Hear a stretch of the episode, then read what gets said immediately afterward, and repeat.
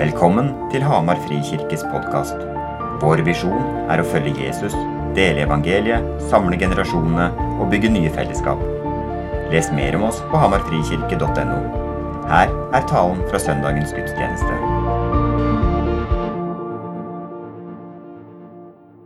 Jeg ber en bønn. Kjære Gud, takk for at du er her i dag. Takk for at eh, vi får samles. Det tar vi ikke for gitt, Gud. Takker deg for at vi er én familie under deg. Ber om at uh, dine ord skal tale til oss i dag. At du skal fylle oss med din fred og din glede og ditt håp. Mm. Amen. I dag skal jeg få snakke om min yndlingsbok. Bivern. Den er jeg veldig glad i. Og det er jo bra, fordi det er en veldig viktig bok. Det er jo denne vi baserer hele vår tro på. Det er uh, den som liksom forteller oss hvem Gud er, og hva han gjør, og hvem vi er. Og så tror jeg i varierende grad at vi kjenner til denne boka. Og så tror jeg at i varierende grad vi vet hvordan vi skal lese den. Uh, fordi det er jo ikke til å legge under en stol at denne boka er ganske gammel. Uh, tusener av år. Og det er skrevet til en kultur som ikke vi befinner oss i. Den er skrevet til en østlig kultur. Eh, så det gjør det jo også litt vanskelig å forstå seg på av og til. Så vi skal dykke litt inn i, i disse tingene. Litt sånne konkrete eksempler på hvordan å lese Bibelen, men også um, ja, litt forskjellige ting. Spesielt uh, meditasjon og studier skal vi snakke om i dag. Men jeg har lyst til å lese et vers som ble på en måte utgangspunktet, følte jeg da når jeg forberedte meg. Jeg ble veldig minna på det, og det er i bergprekenen, når Jesus snakker om mannen som bygde huset på fjell og på sand. Det står i Lukas 6, eh, fra 46 og utover. Hvorfor kaller dere meg Herre, Herre? og gjør ikke det jeg sier. Den som kommer til meg og hører mine ord og gjør det, jeg, det, de sier, jeg skal vise dere hvem han ligner. Han ligner et menneske som skulle bygge et hus, og som gravde dypt og la grunnmuren på fjell. Da flommen kom, brøt elven mot huset, men kunne ikke rokke det, for det var godt bygd. Men den som hører og ikke gjør etter det, ligner et menneske som bygde huset på bakken, uten grunnmur. Da elven brøt mot huset, falt det sammen, og med en gang ble det fullstendig ødelagt. Et annet sted så står det at huset falt, og fallet var stort. Og det handler litt om på hvilken grunnmur vi bygger vår tro. Eh, fordi jeg tror vi alle har kommet til Jesus og gitt livet vårt til han på forskjellige måter og på forskjellige grunnlag. Og så tror jeg det er så viktig at vi vet hva vi tror på, ikke bare fordi noen har sagt det til oss. Og det er en av grunnene til Jeg heter forresten Ester. Jeg leder unge voksenarbeidet her i kirka. Og så bor jeg i teamhuset bak her sammen med de flotte jentene på nest bakerste rad der borte.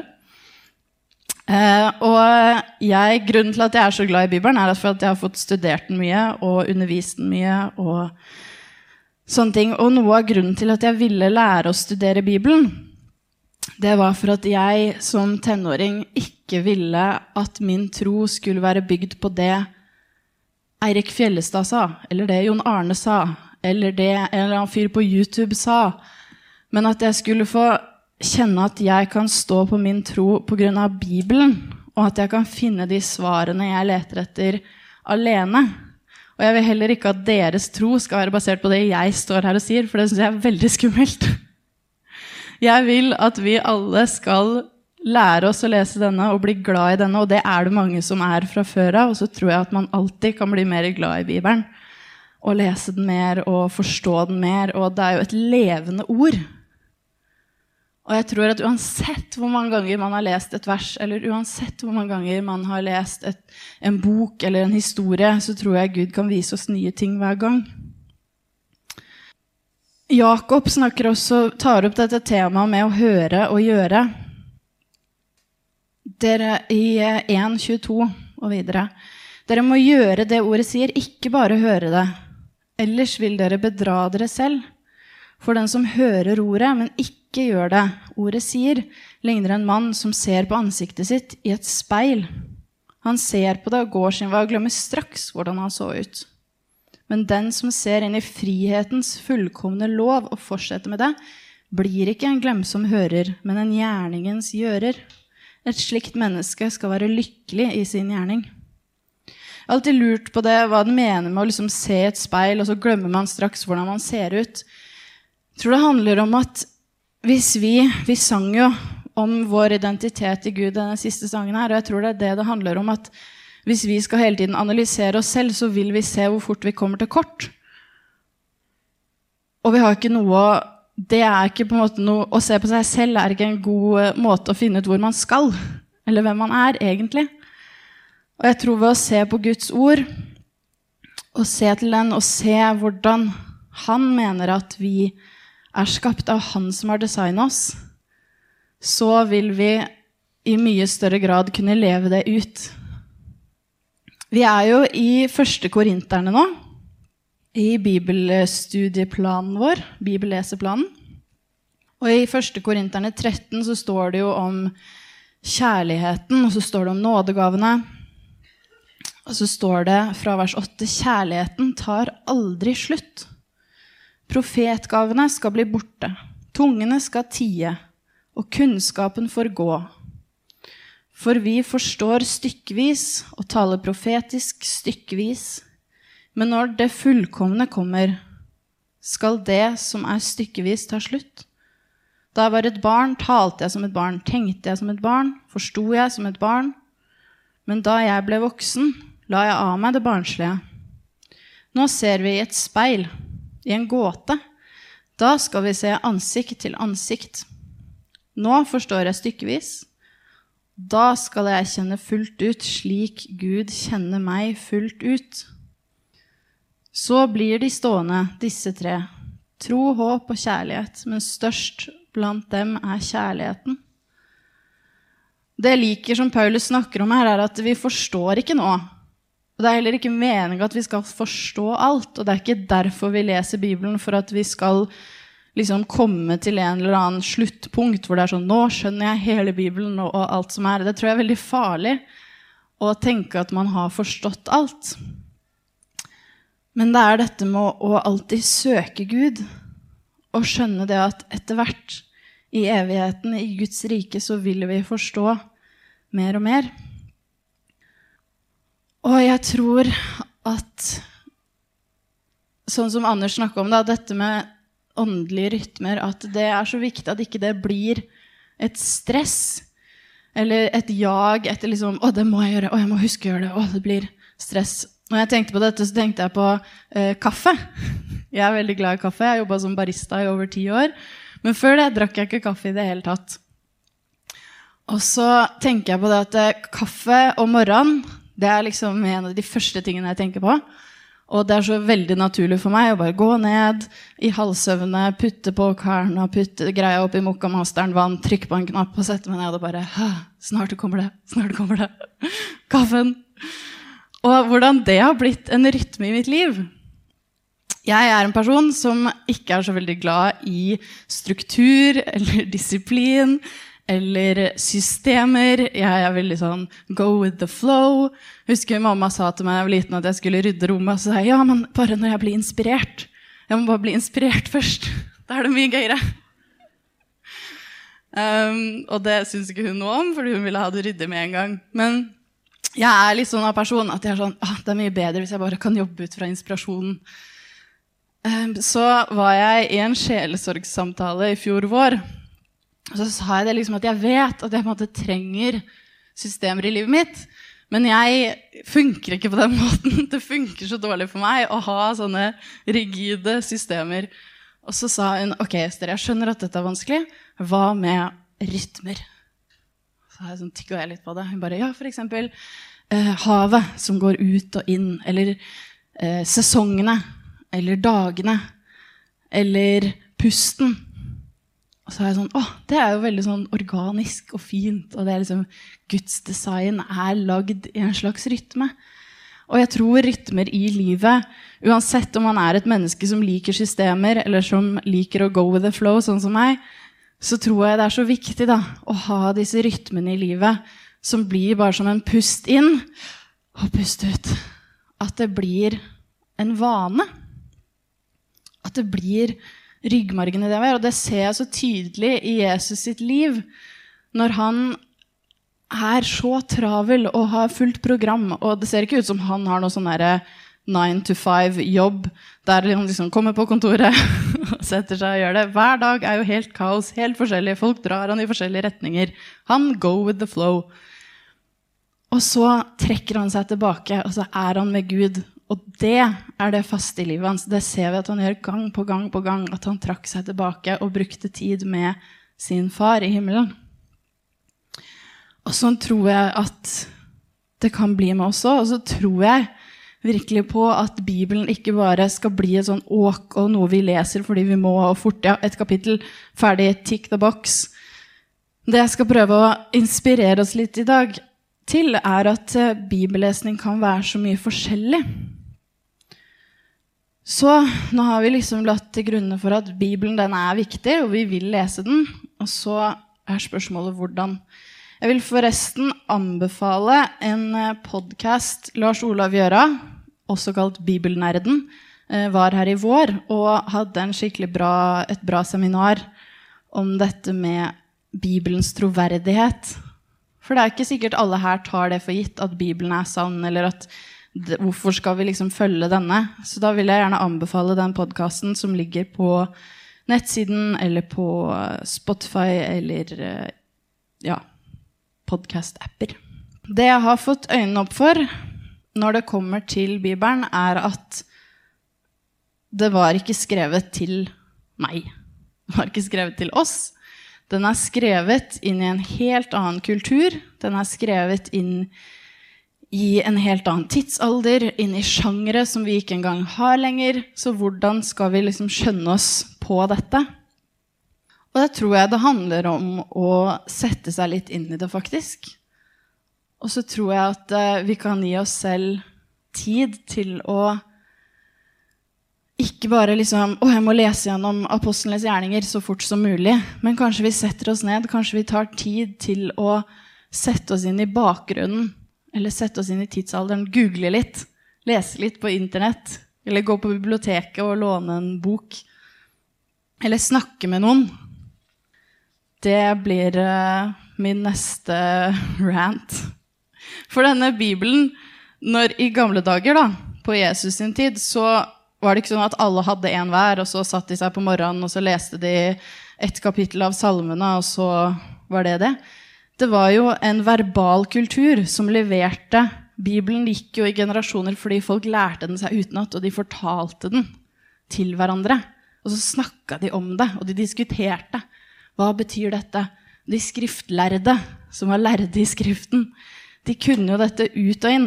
I jødisk kultur, fra man var fem år, skulle man lære seg skulle man begynne å memorere Bibelen. Man skulle begynne å studere den. Fem år gamle. Og da de var tolv Vi har jo historien om da Jesus var i tempelet. Og foreldrene hans han blir borte, ikke sant? de leter etter han, og så var han i tempelet. Da man var tolv år, så ble man holdt ansvarlig for å faktisk følge det som man har lært fra man var fem år. Det er ganske stort, altså. Tolv år gammel. Og det å memorere bibelvers Jeg vil takke Toril Karstad. Jeg vet ikke om hun er her i dag, men hun har revolusjonert dette på friskolen med å memorere bibelvers og kunne ting utenat. Det er så bra. Og det Vi skal jo snakke om studie og meditasjon. Jeg tror de henger sammen veldig tett. da. For jeg tror at i det du studerer, så kan du stoppe opp, og så kan du meditere litt. Og idet du mediterer, så finner du kanskje noe som Å, dette har lyst til å liksom, Hva betyr dette ordet på gresk? Eller hva betyr dette sånn Egentlig, hvordan står det i andre oversettelser? Og så tror jeg at det blir en sånn flyt, da. Men det å lese høyt I bibelstudieskolen jeg tok, så leste vi gjennom hver bok av Bibelen sånn fem ganger, men på forskjellige måter. Og den første måten, det er å lese høyt, og gjerne sammen med andre. Så eksempel Jesaja tok over fem timer. Da satt vi der rundt bassenget med tærne i vannet og bare leste høyt på tur. Men da får man hele helheten, og man får høre det. Og jeg tror Jeg prøvde å finne studier på dette, men det var litt vanskelig. Men det å høre noe samtidig som man leser det, tror jeg de fleste av oss vil lære ting bedre eller få mer med oss. Og vi leser det sakte. Og det er jo poenget med Bibelen, at vi vil få det med oss. Vi leser det jo ikke bare for å lese det. Vi vil jo skjønne det som står der. Så det å lese høyt og i fellesskap Jeg tror vi har blitt Jeg leser en bok som heter 'Misreading Scripture with Individualist Eyes'. Det er en munnfull. Men det handler om dette at vi kommer fra en individualistisk kultur, der det er liksom meg og mitt og min bibellesning. Men Så jeg tror for all del les Bibelen alene, men jeg tror det er så viktig også at vi leser den sammen. At vi har denne geniale greia som Eirik Fellestad har utviklet. Som vi bruker, Mange av oss bruker den i husgruppe eller i mentorrelasjoner eller sånne ting. Men at vi leser høyt sammen og diskuterer det vi lærer. Fordi vi har Den hellige ånd i oss alle, og han viser oss forskjellige ting og løfter fram forskjellige ting og highlighter forskjellige ting til oss som vi kan dele med hverandre og bli klokere sammen og komme nærmere Jesus sammen i fellesskap. Så hvis du syns det er vanskelig å lese Bibelen alene, skaff deg en lesebuddy. På videregående så husker jeg at jeg nesten tvingte broren min til å være med å lese Bibelen med meg hver morgen. Jeg var sånn, Bendik, dette kan vi gjøre sammen. Da husker vi på det, og så kan vi lære av hverandre. Og det ble en veldig fin greie som vi gjorde lenge. En uh, jul så tvang jeg også hele familien min til å lese Markusevangeliet på julaften. Da måtte vi ta pause, dra i kirka, komme tilbake. Uh, fordi jeg bare elsker dette med å lese ordet høyt sammen. da. Og når det kommer til studiet, så tror jeg også det er viktig å ikke bare hoppe rett til anvendelse. Man leser noe, og så Ja, da gjør vi dette. Nettopp fordi at det ble skrevet til en annen kultur. Så vi har tre enkle eh, ord, eller ja Skritt, steg, i, i bibelstudieteknikk. Og det er å først observere, og så tolke og så anvende. Så observere. Da leser du teksten, og så ser du ok, her står det 'han'. Hvem er han? Han. Eller så står det um, en befaling. Og hvis noen syns det er vil ha hjelp til å observere, så kan man fargekode, f.eks. Jeg har kjøpt en egen bibel som jeg bare liksom klusser i. Det er liksom tegnebibelen min som jeg fargekoder i. Og så tolker man, og så spør man ok, Paulus. Hvor andre steder i Bibelen er han nevnt? Eller Paulus, hvem, hvem er det? Eller hvorfor står det et 'derfor'? Da kommer det alltid noe før. Eller man begynner å stille spørsmål ved teksten. Og så kan man anvende det og tenke ok, hvis dette betydde dette for de den gangen, hva kan det bety for meg i dag, og hvordan kan det påvirke livet mitt?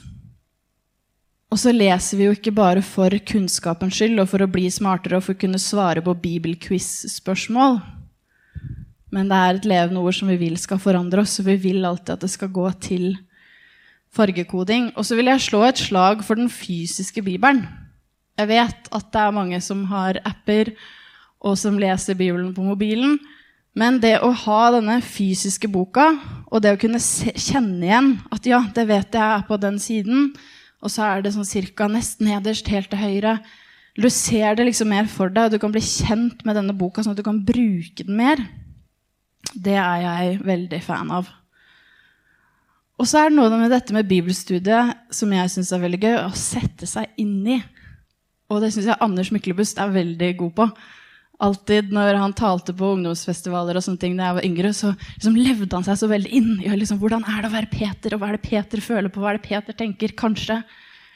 Og det å liksom sette seg inn i, la historiene bli levende, at man tenker på at dette var faktisk ekte mennesker med ekte følelser og ekte luktesanser og bare alt. liksom, Hvordan er det å komme dit til brønnen, f.eks.? Hun dama som Jesus møtte ved brønnen.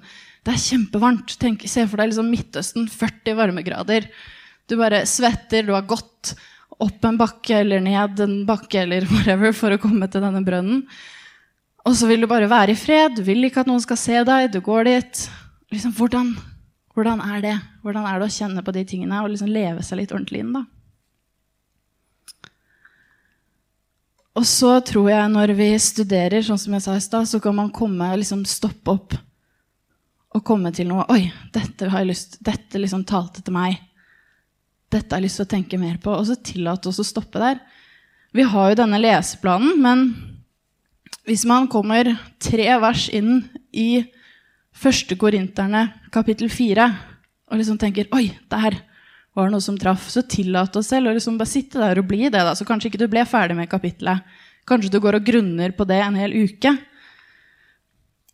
Anders eh, delte en gang at eh, han hadde eh, blitt oppmuntra av Øyvind, sin mentor, til å lese til man får noe, og så stoppe. Og så eh, fikk vi, sånn, vi i staben fikk sånne gripekors. Og så gikk han og hadde det i lomma. Og så hver gang han liksom kjente på det gripekorset, så huska han på det han gikk og mediterte over og tenkte på. Det er en veldig fin måte å gjøre det Eller noe som jeg liker å gjøre, er når jeg finner noe jeg ønsker å meditere over, så, så skriver jeg det gjerne. Eller maler det sakte. Og så tenker jeg liksom over det mens jeg maler eller skriver det. Og meditasjon kan jo ha et veldig sånn øh, Jeg vet ikke, litt rart rykte, eller man vet ikke helt hva man tenker på når man tenker meditasjon. Men det handler jo veldig på det å, å liksom tygge ordentlig på hvert ord. Vi snakker om at dette er liksom vår mat, at vi skal spise Bibelen.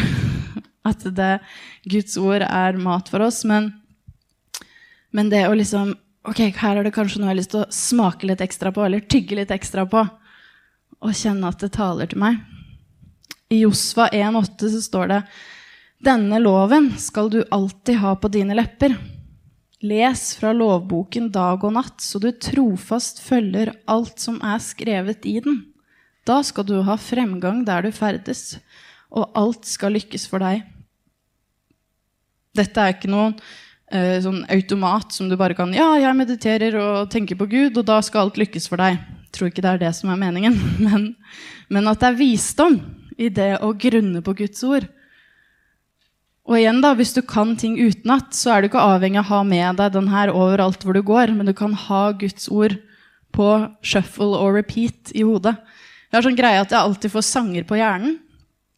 Så når jeg spiller spill for eksempel, og konsentrerer meg, så kommer disse sangene ut. Så jeg synger veldig mye når jeg spiller spill, til irritasjon for de fleste. Men det er sånn, Og da kommer det spesielt mye julesanger, for de hører man på veldig mye i en periode, og så hører man ikke på det lenger. Så var jeg sånn, åh, Tenk om jeg kunne ha bibelvers på hjernen istedenfor. Det har vært så mye bedre. Så det er min, eh, mitt mål for dette året, er å få bibelvers på hjernen istedenfor de sangene. Og det å liksom gå rundt og, og virkelig tygge på det. I Salmene 1 til 1 vers 1, helt det første som står i salmene, så står det 'Salig er den som ikke følger lovløses råd', ikke går på synderes veier og ikke sitter i spotteres sete, men har sin glede i Herrens lov og grunner på Hans lov dag og natt. Og det å komme til Bibelen når det er noe vi lurer på, og gjerne diskutere det med andre og gjøre det i fellesskap, men det at vi eier litt det vi tror på, så jeg ønsker ikke at vi nå skal tenke å, jeg burde lese mer i Bibelen, eller jeg burde ditt, burde datt. Men at vi kanskje har åpna opp hva det å lese i Bibelen kanskje er, og hvordan det kan se ut. At det kan se veldig forskjellig ut, og det ikke handler om å liksom sette et system med at jeg skal lese ett kapittel hver dag. Det kan hende det hjelper, og det er jo det vi legger opp til med denne bibelleseplanen. Men det, vårt ønske er ikke at alle i kirka skal følge denne. Vårt ønske er at alle skal være i Bibelen og lese Bibelen og kjenne den og føle seg utrusta til det. Og så er dette et verktøy hvis man syns man ikke vet helt hva man skal lese, eller man syns det kan bli vanskelig, eller kanskje man leser denne, og så leser man masse annet i tillegg ved siden av, eller kanskje man følger denne, men man bare leser noen vers istedenfor et helt kapittel. Det er også helt greit. Alt er greit. Så lenge vi skjønner Guds hjerte for oss, at han ønsker at vi skal bli kjent med han. Det er det det handler om. Det handler om relasjon. Ja. Så der var det noen eh, forskjellige ressurser. Og som Anders snakka om, så kommer det ressurser på nettsiden også. Jeg har lyst til å be til avslutning, og så skal vi avslutte med å praktisere litt. Vi skal meditere over et stykke, fem vers. Det står i Kolosserne 1, 15-20, Jesus-salmen. Og her er det mange ord. Jeg vil at eh, der dere sitter, bare les gjennom det. Så kan dere enten meditere på hele paragrafen. Gjerne, hvis dere har med Bibelen, finn det i deres egen bibel. Men dere må ikke lese hele. Dere kan stoppe opp hvis det er noe dere føler at dere skal tygge litt ekstra på. eller, eller sånne ting. Men la oss bruke noen minutter nå, tre-fire minutter, på å meditere litt over Jesus, over hvem han er. Så skal jeg bare be. Far, jeg takker deg for ditt ord. Jeg takker deg for at du har gitt oss ordet, og du har gitt oss din ånd som hjelper oss å tolke ordet, og du har gitt oss ditt sinnelag og dine tanker. Og vi har tilgang til alt som du er og har for oss, far. Så jeg ber om at det, når vi kommer til Guds ord, når vi kommer til din bibel som du har gitt oss, at vi ikke skal være redde, at vi ikke skal være overvelda, men at du skal komme med din fred og med din forståelse og med din eh, nåde, far. Jeg ber imot all slags skyldfølelse for at man ikke leser nok, eller sånne ting, Gud, men at du bare skal lede oss inn i en nærmere relasjon med deg, der Bibelen kan bli en rytme i vår hverdag. At det kan bli like naturlig som å lage den kaffekoppen på morgenen, eller hva den måtte være.